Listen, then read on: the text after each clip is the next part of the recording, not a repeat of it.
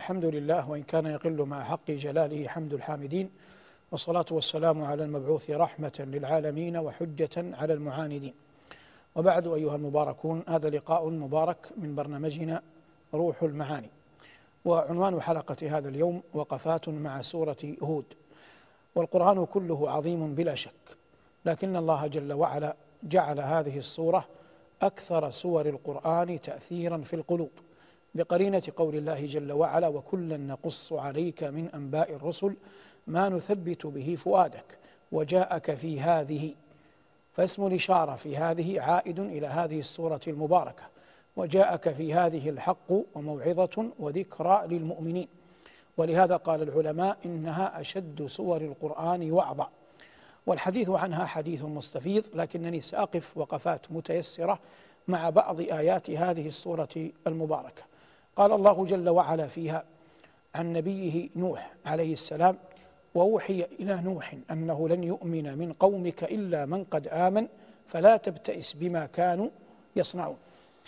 من هنا يفهم أن نوحا عليه السلام لما دعا على قومه دعاهم على بينة. قال الله جل وعلا عنه قال ربي لا تذر على الأرض من الكافرين ديارا. ربي لا تذر على الأرض من الكافرين ديارا. إنك إن تذرهم يضلوا عبادك ولا يلدوا إلا فاجرا كفارا. فما قال نوح؟ هذه الدعوة إلا بعد أن أنبأه الله وحيا أن أحدا من قومه لن يؤمن. وأوحي إلى نوح أنه لن يؤمن من قومك إلا من قد آمن. من هنا نستل أن بعض الفضلاء إذا قارن ما بين حياة نبينا صلى الله عليه وسلم وحياة نوح يأتي إلى هذا الموقف. فيقول إن النبي عليه السلام أكرم وهو حق أكرم لكن يستشهد باستشهاد خاطئ. فيقول إن النبي أكرم من نوح لأن نوحا دعا على قومه والنبي صلى الله عليه وسلم قال عن قومه رب اغفر لي رب اغفر لهم فإنهم لا يعلمون. فيقول في نظمه وأهلك قومه في الأرض نوح بدعوة لا تذر أحدا فأفنى ودعوة أحمد رب اهد قومي فهم لا يعلمون كما علمنا. وأهلك قومه في الأرض نوح بدعوة لا تذر أحدا فأفنى. ودعوة أحمد رب اهد قومي فهم لا يعلمون كما علمنا. وهذا استشهاد ونظم خاطئ لأن نوحا عليه السلام لم يقل رب لا تذر على الأرض من الكافرين ديارا ولم يدع على قومه بالطوفان إلا بعد أن تبين له أن أحدا من قومه لن يؤمن بنص كلام الله وأوحي إلى نوح أنه لن يؤمن من قومك إلا من قد إلا من قد آمن. الأمر الثاني قال الله جل وعلا في هذه السورة المباركة عن نبيه نوح قل نحمل فيها من كل زوجين اثنين وأهلك إلا من سبق عليه القول منهم فحمل نوح من كل زوجين اثنين فحملت سفينة نوح كل ما كتب الله له أن يبقى حيا بعد الطوفان فكان يأخذ الذكر بيد والأنثى بيد ويضعهما في السفينة. ما الذي يستنبط من هذا؟ قدرة الله تبارك وتعالى. ذلك أن سفينة نوح جمعت بين أضداد لا يمكن أن يجتمعوا أبدا. فالغابة مثلا تمتلئ بالسباع والكواسر وكثير من الدواب الوحشية والمألوفة. وبينهما من التنافر ما لا يخفى على أحد. فقد جعل الله جل وعلا لكل شيء ضدا. كما جعل لكل شيء شيء يألفه شيئا يألفه فثمة ألفة ما بين كذا وكذا وعداوة ما بين حيوان وآخر. كل هذا انفك وذهب في سفينة نوح. وهذا يبين لك أن الأمور كلها بيد الله وأن القضية الكبرى في الحياة الدنيا قضية التسخير. فمن أراد الله جل وعلا إكرامه أو نفعه أو إعانته أو علو كعبه سخر له. ومن لم يرد الله نفعه ولا علو كعبه ولا ظهوره لم يسخر له أحدا. ولهذا لما ذكر الله جل وعلا ملك داود وملك سليمان بين أن القضية قضية تسخير وإنعام. قال جل وعلا إنا سخرنا الجبال معه يسبحن بالعشي والإشراق. وقال الله جل وعلا عن عيسى بن مريم إن هو إلا عبد أنعمنا عليه وجعلناه مثلا لبني إسرائيل. فالتسخير عليه قوام الخلق فالتسخير عليه قوام الخلق. فإذا أراد الله بأحد كرامة ما سخر له. وأنت تعلم أن الغراب يولد أن الغراب إذا فقس بيضه يخرج الغراب الصغير أبيض فيجفل منه أبواه الذكر والأنثى. فيبعث الله جل وعلا إليه دودا صغارا يقف على طرف منقره فهذا النعاب الذي هو صغار الغراب يأكله فما يزال يأكله حتى يشتد لحمه وتظهر حمته ويظهر سواده فيسود ريشه. فإذا عاد غرابا أسود عرفه أبواه فعاد يطعمانه. في الأول يفران منه فيسخر له الله جل وعلا ذلكم الدود حتى يأكله فينجم عنه اسوداد ريشه ومعرفة أبويه له.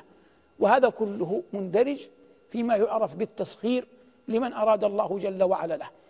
وغير غافل أنت عن أن الله جل وعلا جعل موسى والخضر يطويان القفار والبحار ليحفظ ليتيمين كنزهما مع أن اليتيمين لا يعلمان ذلك ولم يطلباه من الخضر وموسى. قال وأما الجدار فكان لغلامين يتيمين في المدينة وكان تحته كنز لهما وكان أبوهما صالحا. فما القضية؟ فأراد ربك أن يبلغ أشدهما ويستخرج كنزهما. فلما أراد ربنا أن يبلغ أشدهما ويستخرج كنزهما حفظ لهما ذلك الكنز فأخرج الكليم والعبد الصالح ليصنع ذلك بالجدار ويقيمانه حتى يبقى الكنز محفوظا ولا يقدر على هذا إلا الله. فالذي حصل ما بين الدواب كان بتسخير من رب العالمين جل جلاله. سخر ذلك الله كله لنوح عليه السلام. قال الله جل وعلا كذلك وهذه الوقفة الثالثة في سورة هود قال وقال اركبوا فيها أي في السفينة بسم الله مجريها ومرساها أي سيرها ووقوفها إن ربي لغفور رحيم. لو أخذنا الله جل وعلا بذنوبنا لما مضت السفينة قيد شبر.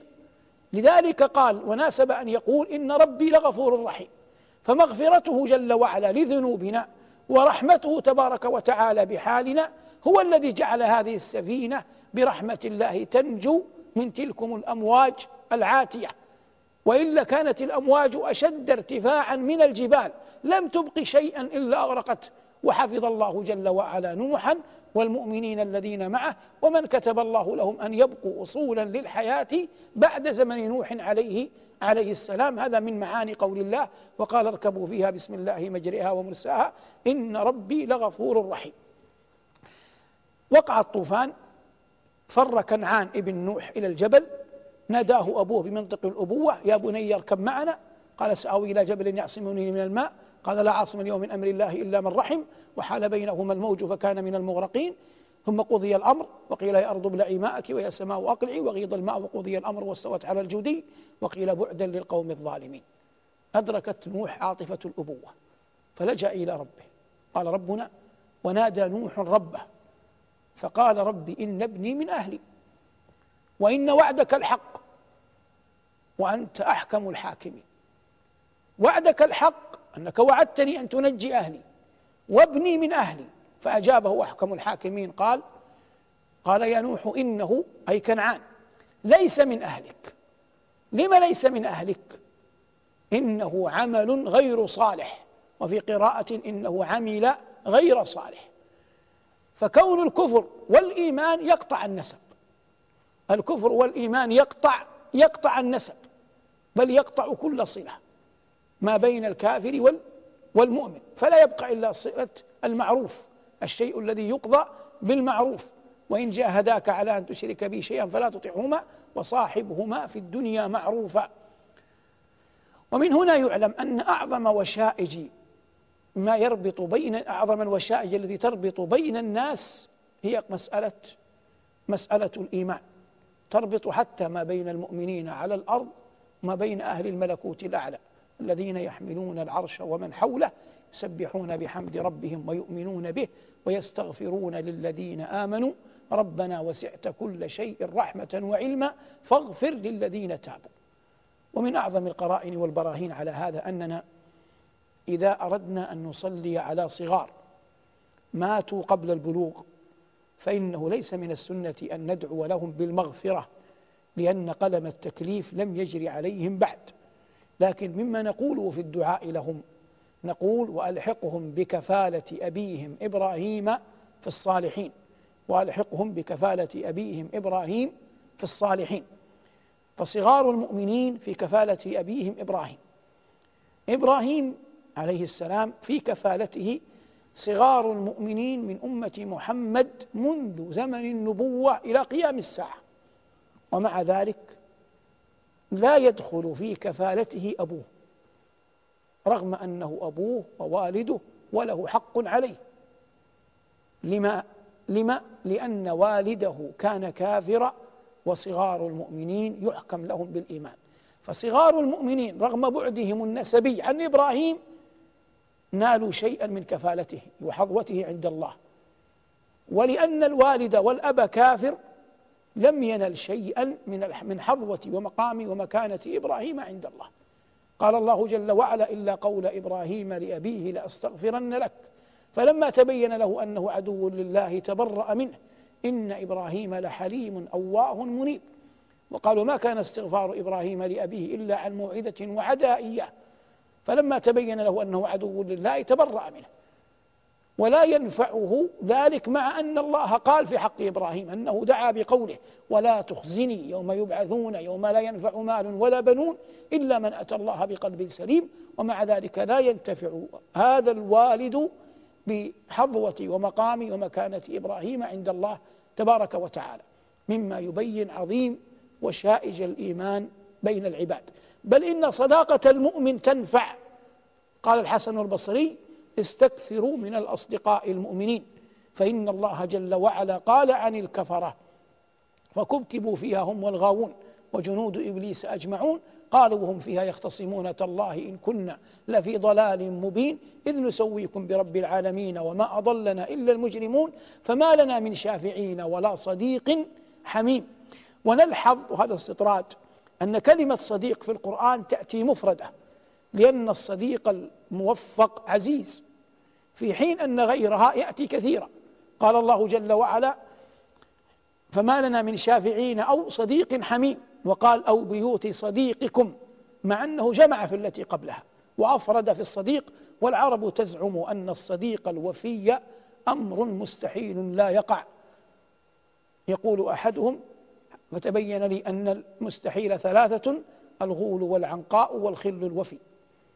لما رأيت بني الزمان وما بهم خل وفي للشدائد أصطفي فعلمت أن المستحيل ثلاثة الغول والعنقاء والخل الوفي. هذا كله استطراد أدبي أعانكم الله عليه.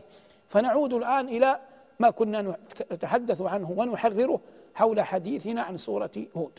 قال الله جل وعلا في السورة نفسها لما ذكر نبيه صالح قال قالوا يا صالح قد كنت فينا مرجوا قبل هذا.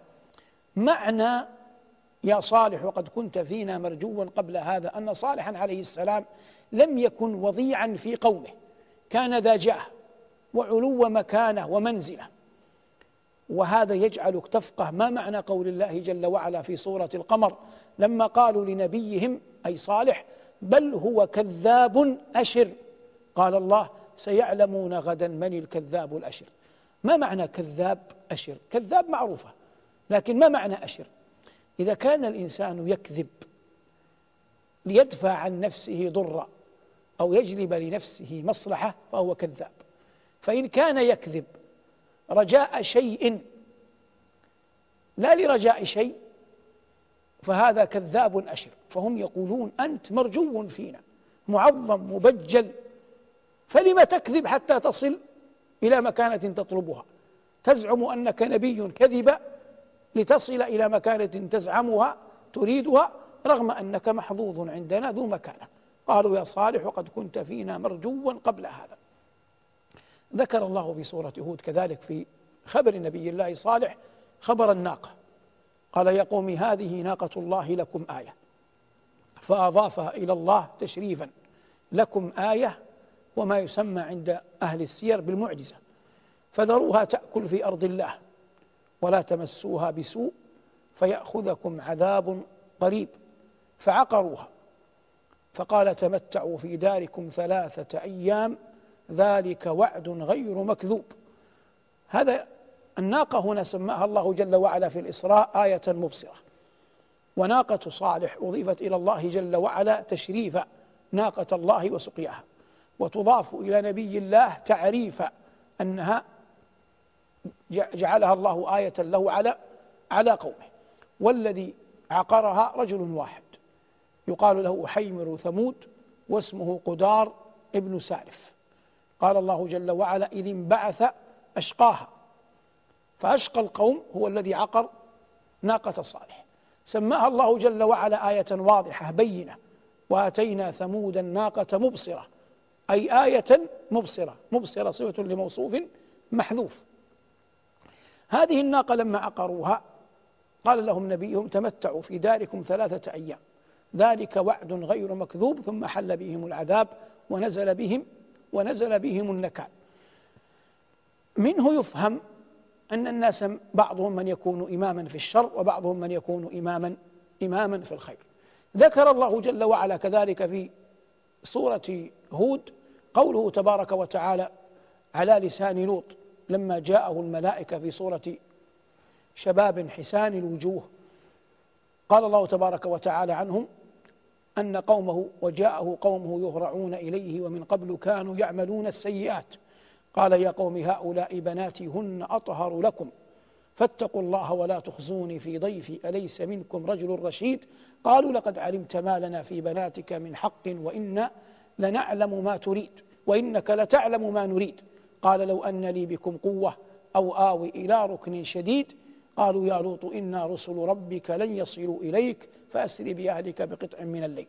خبر لوط مع هؤلاء يطول لكن في جملته أنه لما استضاف نزل الملائكة أضيافا عليه عمدت زوجته فأخبرت القوم فجاءوا عياذا بالله كما قال الله وجاءه قومه يهرعون إليه. ثم جاء جملة اعتراضية ومن قبل كانوا يعملون السيئات وهذا من أدب القرآن مع البيان.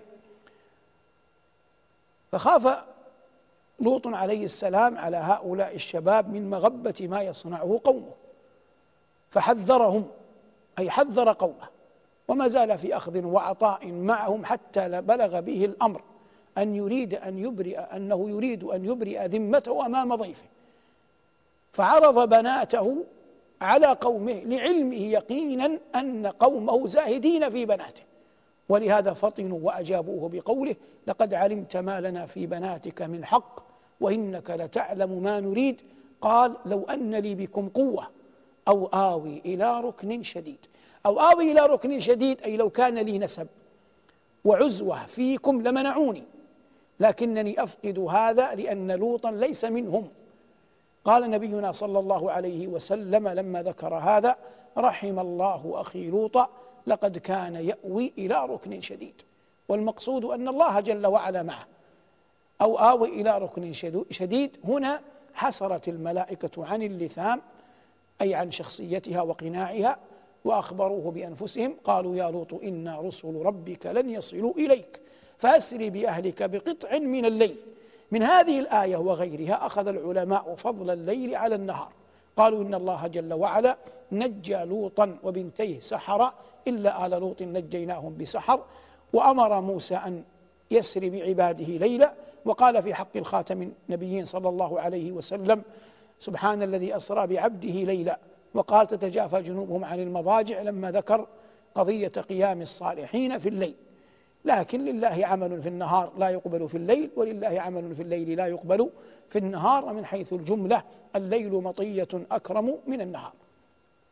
قال لو أن لي بكم قوة أو آوي إلى ركن شديد قالوا يا لوط إنا رسل ربك لن يصلوا إليك فأسر بأهلك بقطع من الليل ولا يلتفت منكم أحد إلا امرأتك إنه مصيبها ما أصابهم إن موعدهم الصبح وليس الصبح بقريب. مما ذكره الله جل وعلا في هذه الصورة المباركة قوله تبارك اسمه وجل ثناؤه وأقم الصلاة طرفي النهار وزلفا قوله فاستقم كما أمرت ومن تاب معك ولا تطغوا إنه بما تعملون بصير. النبي عليه السلام قال شيبتني هود وأخواتها. قال بعض أهل العلم إن الآية التي شيبت نبينا صلى الله عليه وسلم هي قول الله جل وعلا في سورة هود. فاستقم كما أمرت ومن تاب معك ولا تطغوا. لما أتتك قم الليل استقم استجبت لها. تنام عينك أما القلب لم ينم الليل تسهره بالوحي تعمره وشيبتك بهود آية استقم. لما أتتك قم الليل استجبت لها. تنام عينك أما القلب لم ينم الليل تسهره بالوحي تعمره وشيبتك بهود آية استقم. فالآية التي في هود قول الله جل وعلا فاستقم كما أمرت ومن تاب معك ولا تطغوا إنه بما تعملون بصير. قال الله جل وعلا بعدها وأقم الصلاة طرفي النهار وزلفا من الليل إن الحسنات يذهبن السيئات ذلك ذكرى للذاكرين. وهذه من أعظم ما ينفع المؤمن في حياته. قلما أن يخلو أحد من معصية. من له الحسنى فقط ومن ذا الذي ما ساء قط. إن تغفر اللهم تغفر جم وأي عبد لك ما ألم. لكن مما يعين فقه كتاب رب العالمين. وقد قال الله جل وعلا إن الحسنات يذهبن السيئات. وسبب نزول الآية أن رجلا قال يا رسول الله إنني لقيت امرأة في طريق كذا وكذا فشممتها وضممتها وقع مني كل شيء إلا أني لم أجامعها. فأعرض النبي صلى الله عليه وسلم عنه والرجل يلح ثم نودي لصلاة العصر فصلى عليه الصلاة والسلام ثم قال بعد فراغه من صلاته أين السائل؟ قال أنا يا رسول الله. قال أصليت العصر معنا؟ قال نعم. قال اذهب فإن الله قد غفر لك ذنبك. ثم تلا. وأقم الصلاة طرفي النهار وزلفا من الليل. إن الحسنات يذهبن السيئات. ذلك ذكرى للذاكرين. واصبر فإن الله لا يضيع أجر المحسنين. قال الله جل وعلا بعدها فلولا كان من القرون أولو بقية ينهون عن الفساد في الأرض إلا قليلا ممن أنجينا منهم. وهذه دعوة للناس أن يأتمروا بالمعروف وأن يتناهوا يتناهون عن أن يتناهوا عن المنكر وأن يكون فيهم من يدعو إلى الله تبارك وتعالى بالحكمة والموعظة الحسنة. وليس من مصلحة الأمة أن يشيع فيها المنكر والفحشاء تحت أي مسمى كان كان ذلك. لا تحت حضارة ولا حرية ولا غيرهما مما يجعل تلك الأمور طاغية على المجتمع. فدين الله جل وعلا أحق أن يتبع وأولى أن يمضي حكما على الناس. لا القوانين الوضعية ولا غيرها. والأمر بالمعروف والنهي عن المنكر قوام هذا الدين. قال الله تبارك وتعالى كنتم خير أمة أخرجت للناس تأمرون بالمعروف وتنهون وتنهون عن المنكر. قال الله جل وعلا كذلك في سورة هود أخبر تبارك وتعالى أن الاختلاف سنة بين الناس فلولا كان من القرون أولو بقية ينهون عن الفساد في الأرض إلا قليلا ممن أنجينا منهم واتبع الذين ظلموا ما أترفوا فيه وكانوا مجرمين وما كان ربك ليهلك القرى بظلم وأهلها مصلحون ولو شاء ربك هذا الاختلاف لجعل الناس أمة واحدة ولا يزالون مختلفين إلا من رحم ربك ولذلك خلقهم وتمت كلمة ربك لأملأن جهنم من الجنة والناس أجمعين. أما قول الله جل وعلا ولا يزالون مختلفين فالاختلاف من حيث السنة القدرية الكونية واقع لا محالة. وأما من حيث السنة الشرعية فمقبول في مواطن غير مقبول في مواطن. مقبول في مواطن غير مقبول في مواطن. أما من حيث السنة القدرية فمنذ أن خلق الله الناس فيهم مؤمن وفيهم كافر وفيهم بر وفيهم فاجر. فالدعوة بهلاك كل الفجار أمر محال. قال عليه الصلاة والسلام لا تقوم الساعة إلا والروم أكثر الناس. لا تقوم الساعة إلا والروم أكثر الناس. ومن قرأ أحاديث الساعة وغيرها علم يقينا أن هذا الأمر لن ينجلي بالكلية. فالصراع بين الحق والباطل قائم باق إلى قيام الساعة. أما الاختلاف الشرعي فلا ينبغي أن يكون في الأمة إلا ما أذن الله جل وعلا أن يختلف فيه. وأصل المسألة أن يفهم أن الأحكام ثلاثة حكم مؤول وحكم مبدل وحكم منزل. فأما الحكم المنزل فلا ينبغي الاختلاف فيه ولا يجوز ولا يقبل. قال الله جل وعلا حرمت عليكم الميتة وقال إنما الخمر والميسر والأزلام وقال ولا تقربوا الزنا فلم يقل أحد من علماء المسلمين لا في في السابقين ولا في اللاحقين أن الخمر أو الزنا أو الميتة يجوز عند زيد ولا يجوز عند عمرو. هذا مما اتفقت عليه كلمة المسلمين وهذا مما يسمى بالحكم المنزل. الحكم المبدل أن يأتي الإنسان لحكم شرعي فيبدله على النقيض. فقد قال ربنا جل وعلا يوصيكم الله في أولادكم للذكر مثل حظ الأنثيين فلو جاء أحد بأي قانون وضعي وقال إن للذكر والأنثى سواء فللأنثى مثل حظ الذكر رددنا عليه قانونه ونظامه وقوله كله وجعلناه باطلا لأن هذا حكم مبدل مبدل أي مبدل لكلام الله لا يقبل البتة. بقي حكم مؤول وهو ما سكت الله جل وعلا عنه. أو أن الآية واللغة تحتمله فهذا مضمار عظيم تجري فيه أقدام العلماء. ليس قول زيد فيه بأولى من قول عمرو وهو الذي ظهر في الأئمة الأربعة المتبوعين وفي غيرهم من الأئمة.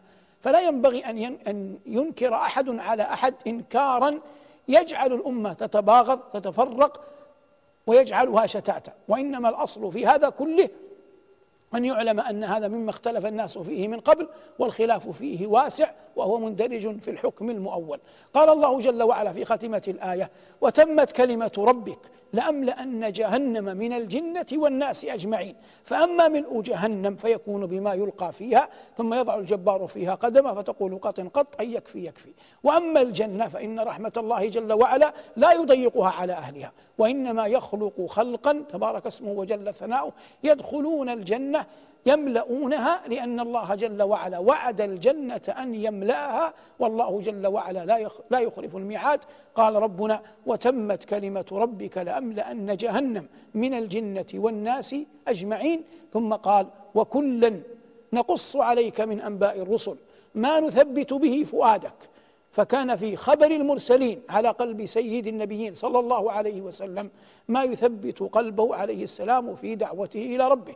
وجاءك في هذه الحق أي في سورة هود كما بينا في أول اللقاء وجاءك في هذه الحق وموعظة وذكرى للمؤمنين. وقل للذين لا يؤمنون اعملوا على مكانتكم إنا عاملون وانتظروا إنا منتظرون. ثم قال الله في آية جامعة مانعة ولله واللام هنا لام الملك. لام التصرف الحقيقي الأكمل ولله غيب السماوات والأرض. فلا أحد يعلم الغيب إلا الله. ولله غيب السماوات والأرض وإليه يرجع الأمر كله. قال بعدها فاعبده وتوكل عليه. والله مما يعينك على أن تقضى حوائجك أن تعلم أنك تجهل الغيب. فلا تدري أين موطن الخير من موطن الشر. هل في غدوك أو في رواحك؟ هل في سفرك أو في إقامتك؟ هل في وظيفتك أو في تركها؟ ولله غيب السماوات والأرض. ثم إنك حتى لو كنت قد اطلعت على شيء من الغيب ليس الأمر بيدك. قال ربنا وإليه يرجع الأمر كله. فالأمور كلها بيد العزيز العليم من بيده ملكوت كل شيء تبارك اسمه وجل ثناؤه. ولله غيب السماوات والأرض وإليه يرجع الأمر كله. فحتى تبقى على صلة حسنة بربك. قال ربنا تبارك وتعالى ولله غيب السماوات والأرض وإليه يرجع الأمر كله فاعبده وأنت مع عبادتك له وخضوعك له تبارك اسمه وجل ثناؤه وتوكل عليه. واعلم أن الله جل وعلا لا يجعل أولياءه بدار مضيعة. قال ربنا وهو الذي ينزل الغيث من بعد ما قنطوا وينشر رحمته وهو الولي الحميد. والولي لا يضيع أولياءه. فكل من كان لله وليا محال أن يضيع محال أن يغلب محال أن يخذل. ولا يزال عبدي يتقرب إلي بالنوافل حتى أحبه. فإذا أحببته كنت سمعه الذي يسمع به وبصره الذي يبصر به وقدمه التي يمشي عليها ويده التي يبطش بها. والمعنى التوفيق من رب العالمين تبارك وتعالى. وهذا منه. قول الله تبارك وتعالى ولله غيب السماوات والأرض وإليه يرجع الأمر كله فاعبده تبارك اسمه وجل ثناؤه وتوكل عليه. ويفهم منه كذلك أن أعظم المنازل التي يعطاها العباد منزلة التوكل وقبلها منزلة العبودية. وما التوكل؟ لا ينال أحد هذا الوشاح ولا يلبس هذا التاج إلا من كان قد أرغم نفسه في باب العبودية لله تبارك وتعالى. وكلما كان حظ العبد من مقام العبودية عظيما كان حظه من التوكل أعظم. وإذا كان حظه من التوكل أعظم نجاه الله جل وعلا وكفاه وآواه وبصره في الشيء الذي يريده كيف يصل إليه وسخر له الأسباب تبارك اسمه وجل ثناؤه. ومثل هذه المعاني الجليلة ربما يدركها كل أحد أو يدركها جل الناس أو كثير منهم لكن يبقى التوفيق للعمل بها. فالتوفيق للعمل بها لا بد فيه من مجاهدة ومجاهدة النفس على العلم الذي تعلمه من أصعب ما يجده العبد في حياته الدنيا. مجاهدة العبد نفسه على العلم الذي يعلمه لأن هذا العلم الذي هو على بينة فيه من ربه يقابل بآراء الناس وأحوالهم وأقوالهم وما يسدون إليه من نصائح لكن من أراد الله به خيرا ثبته على العلم الذي آتاه الله إياه حتى يصل إلى مقصوده ويحقق مراده وهذا لا يكون إلا بالله إذا توكل العبد على الله. هذا أيها المبارك على وجه الإجمال. بعض الوقفات مع سورة هود هذه السورة التي ثبت الله جل وعلا بها قلب نبيه صلوات الله وسلامه عليه. والله تبارك وتعالى ما أنزل هذا القرآن إلا هدى وشفاء وبينة يكون الناس فيه على بصيرة من ربهم. ولما كان صلى الله عليه وسلم خلقه القرآن كان صلى الله عليه وسلم خلقه القرآن نال ما نال من عظيم العطايا وجليل المكانة صلوات الله وسلامه عليه. هذا ما تيسر إيراده وتهيأ إعداده وأعان الله على قوله صلى الله على محمد وآله والحمد لله رب العالمين. والسلام عليكم ورحمة الله وبركاته.